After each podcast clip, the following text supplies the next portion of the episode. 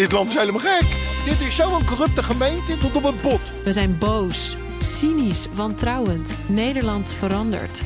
We onderzoeken de rol van angst in onze omgang met elkaar, in de politiek, in de geschiedenis. Seizoen 2 van de podcast Polder in de Fik. Waarom we zo bang zijn. Abonneer je nu in je podcast-app. Den Haag. Het kabinet gaat de arbeidsmarkt flink onder handen nemen. Vanmiddag heeft minister Karin van Gennep van Sociale Zaken en Werkgelegenheid haar maatregelen naar de Tweede Kamer gestuurd.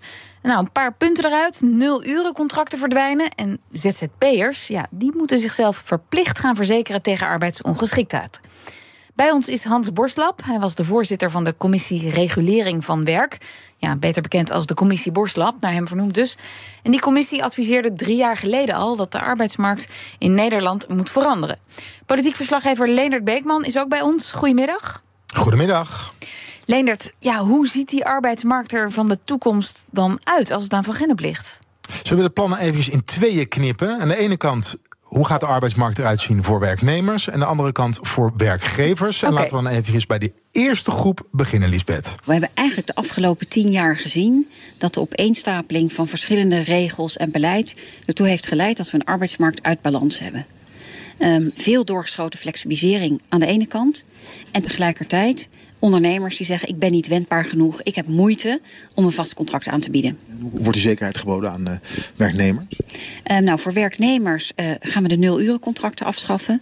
Gaan we de draaideurconstructies aanpakken. Gaan we uitzendwerk eerder zeker maken. Zodat structureel werk eerder tot een vast contract leidt. Gaat u dat bijvoorbeeld aanpakken met die nul-urencontracten, die draaideurcontracten? Ja, de nul-urencontracten gaan we afschaffen. Daarvoor in de plaats komt een basiscontract. En een basiscontract zegt ja hoeveel uur jij komende maand gaat werken. Um, en daar kun je dan ook echt op rekenen. Dan weet je dus ook wat je volgende maand gaat verdienen. En wanneer je er moet zijn um, om te kunnen werken. Zodat je ook de andere helft van de maand bijvoorbeeld die tweede baan kunt doen. Je zorgtaken of je opleiding. Met korte contractjes van drie maanden. En dan even een half jaar eruit. Dan maakt je ook een einde aan. Ja, de draaiderconstructies. Uh, na drie jaar uh, komt er een wachttijd van vijf jaar. Kun je dus niet opnieuw um, in dienst bij diezelfde werkgever. Um, dus we willen echt zorgen dat mensen die hetzelfde werk blijven doen... en via die draaideur steeds maar weer opnieuw naar binnen komen... dat zich dat ook uiteindelijk vertaalt in een vast contract. Nou, Lisbeth, uh, minister Van Gennep heeft goed geluisterd naar de commissie Borstlab. Mm -hmm. Kort samengevat, zij zeiden flex minder flex en vast minder vast. Nou, we kunnen in ieder geval zeggen dat flex inderdaad minder flex is geworden... En Van Gennep zei ook nog eventjes over het, de commissie Borstlab en over de, ja, de, de, wat zij hebben opgeschreven in dat rapport. Een zwaar, dat het zwaar en gewichtige woorden waren. En die waren dus terecht, zei ze vandaag nog. Kijk, drie jaar later. Nou, Hans Borstlab is bij ons. Goedemiddag. Goedemiddag. Ja, u moet een tevreden man zijn. Dat ben ik. Dit is een mooie brief. Uh, als je hem leest, dan uh, gaat de minister op een brede terrein van de arbeidsmarkt echt dingen rechtzetten die fout gegroeid waren. Uh, dat is dus de doorgeschoten flex wordt aangepakt. Dat is echt nodig, niet alleen vanwege sociale, maar ook vanwege economische overwegingen.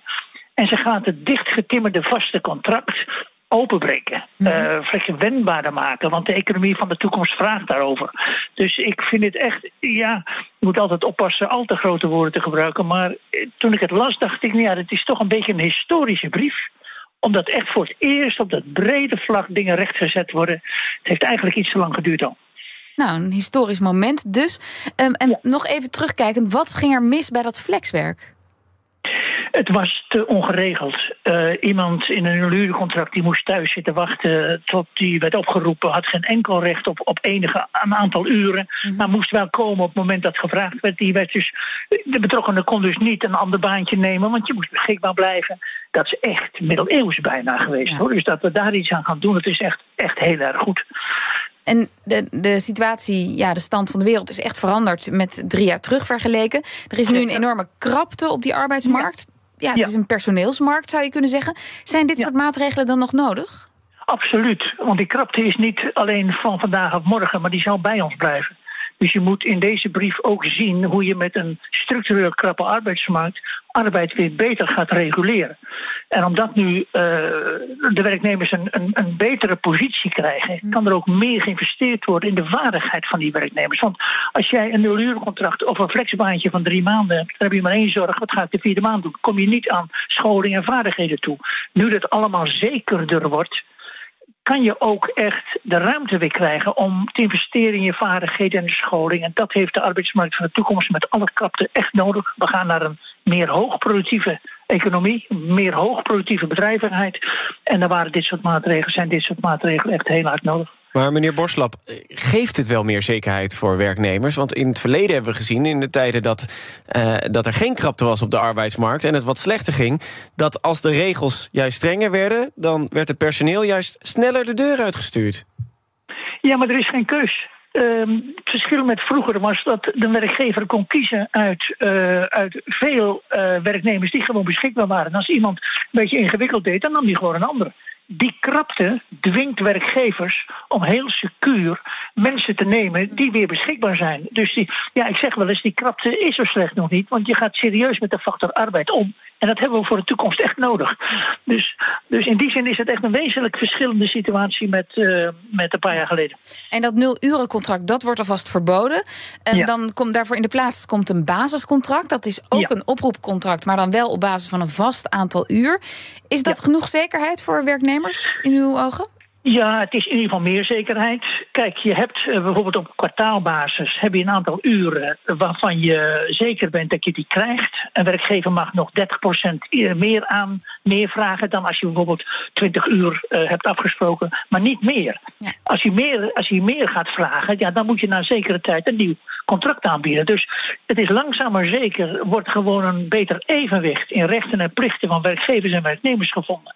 En ik vind dit toch een majeure stap. Een majeure stap. Leendert, dan kijken we ook nog naar de kant van de werkgevers. Zeker. Wat zijn voor hen de belangrijkste veranderingen?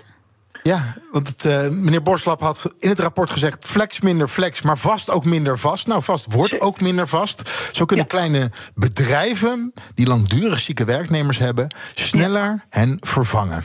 Nou, uh, voor ondernemers is het heel erg belangrijk... dat we ook echt iets aan die wendbaarheid doen. Daar hebben ze ook om gevraagd, ook in het CER-MLT. Dus het gaat over meer duidelijkheid bij langdurige ziekte... na het eerste jaar of je iemand kan vervangen. Dat is het eerste. Tweede is de crisisregeling personeelsbehoud. Dat tijdens een crisis je mensen iets minder kan laten werken of op een andere plek kan laten werken, zodat je door die crisis heen kan komen. En het derde um, is zorgen dat overwerk uh, minder duur wordt door dat onder de lage WW-premie te brengen voor grotere contracten. En wat hier nou belangrijk is, Liesbeth, dit zijn afspraken voor werknemers en werkgevers. Mm -hmm. En dit wordt niet opgelegd vanuit het kabinet. De afspraken zijn gemaakt met de bonden en de werkgeversorganisaties. Zij zijn samen tot deze afspraken gekomen. En ze ondersteunen dat dus ook. Dus er is veel draagvlak. Ja, en, en meneer Borstlap, ja, dat, dat klinkt als ouderwetse polderen. Ziet u dat ook zo? Er is veel draagvlak? Ja, absoluut. Dat is ook het element van het historische. Want werkgevers en werknemers die springen ook over hun eigen schaduw heen hè, met dit akkoord. Kijk, een werkgever die wil misschien het liefste zoveel mogelijk flexibiliteit. Uh, als je er goed naar kijkt, is dat alleen op korte termijn misschien lucratief, maar op langere termijn niet. Nou, daar springen ze nu overheen. En werkgevers erkennen met dit akkoord, wat ze dus ondersteunen, dat niet alle flex goed is, maar dat je dat ook moet reguleren, gericht op de toekomst. En werknemers gaan nu echt voor het eerst, dat is echt een doorbraak hoor, gaan nu echt voor het eerst zien, inzien dat zo'n vaste contract wel eens te vast en te, dicht, te veel dichtgetimmerd kan zijn. Want daar, die, wat de minister ook al zei, die crisisregeling personeelsbehoud, dat is dus de mogelijkheid dat als een, een, een, een iemand in een, een, een tulpenkweker in het Westland, die wordt met brexit geconfronteerd, ja, daar kan hij niks aan doen. Maar wel 60% van zijn tulpexport valt weg. In dat soort situaties mag die werkgever uh, werknemers voor 20%, hè, dus één dag, uh, ja, hoeft hij niet door te betalen. Die mag hij gewoon naar huis sturen. En dat is, dat is voor werknemers, begrijp ik best, heel lastig te aanvaarden. Maar ze zien dat het nodig is en dat er ook een heel veel tegenover staat. Omdat werknemers ook de gelegenheid krijgen om hun vaardigheid te ontwikkelen. Dat kost ook tijd. En dat soort dingen. Dus ik vind het naar verschillende kanten toe echt. Oké, okay, dus voor, ieder, voor iedere kant zit er iets in. Ja, en denkt u dan ook in. dat, dat door de regulering voor uh, zelfstandigen zonder personeel, de ZZP'ers, denkt ja. u dat dat ZZP'erschap aantrekkelijker wordt? Dat mensen meer als ZZP'er zich laten inhuren? Ja, ik vind voor het echte zelfs, zelfs uh, ZZP-schap wel. Dus een echte ZZP die echt ondernemer is, maar dan ook echt hè, voor eigen risico werken, uh, die krijgt een arbeidsongeschiktheidsverzekering. Uh, dat, dat, is die nu niet en dat nee. is toch echt een groot gemis. Uh, Ehm, die krijgt ook ja, in onze plannen, dat werkt de minister nog niet helemaal uit, maar dat zal nog wel komen. Ook een, een soort individueel leerrecht. Hè, dus dat je gewoon voortdurend ook als ZZP je vak mag bij, moet bijhouden en mag bijhouden en daar ook gefaciliteerd in wordt. Maar dat is de andere kant. De schijnzelfstandigheid, ja, die, die wordt het moeilijker gemaakt. En dat is natuurlijk ook heel terecht. Want schijnzelfstandigheid, het woord zegt het al, dat zijn eigenlijk geen zelfstandigen. Maar het zijn vaak gewoon werknemers. Ja. Maar, maar omdat er nu meer regulering is, hè, denken dan niet meer mensen, want er is toch een krapte in, in de zorg of in het onderwijs. Dan kan ik mij beter um, voor meer geld laten inhuren als ZZP'er. Dan hoef ik ook niet te werken met kerst. En denkt u dat niet uh, die beweging dan op gang komt? Mm denk niet. Een werkgever staat dan voor de keuze, dus het waterbedeffect. Ga ik een uh, flexibel arbeidscontract met iemand aan of kan ik toch beter naar het ZZP-schap? Ik denk dat de ZZP-uren mm van een ZZP'er, die gaan omhoog. Alleen al vanwege de arbeidsongeschiktheidsverzekering, dat zal hem iets van 8% kosten. Nou, dat betekent dus dat moet hij doorrekenen in zijn tarieven. Ja. En ook de fiscale faciliteiten worden afgebouwd. Dat wil zeggen dat de werkgever ook op die grond zijn tarieven zal moeten verhogen. Dus een ZZP'er, een echte ZZP'er, die wordt duurder. En er is ook niks op tegen. En dus de balans tussen flex, flexibel arbeidscontract, maar dan beter gereguleerd, conform de brief, en het ZZP zal evenwichtiger worden dan nu. Leenders. Ja, ik hoor uh, de heer Borstlap hoor ik hier zeggen. Historisch, goede maatregelen. En dat is wel een heel ander geluid uh, dan het geluid dat we af en toe van de heer Borstlap de afgelopen jaren gehoord hebben. Want het duurde af en toe ook wel een beetje te lang, toch, meneer Borstlap?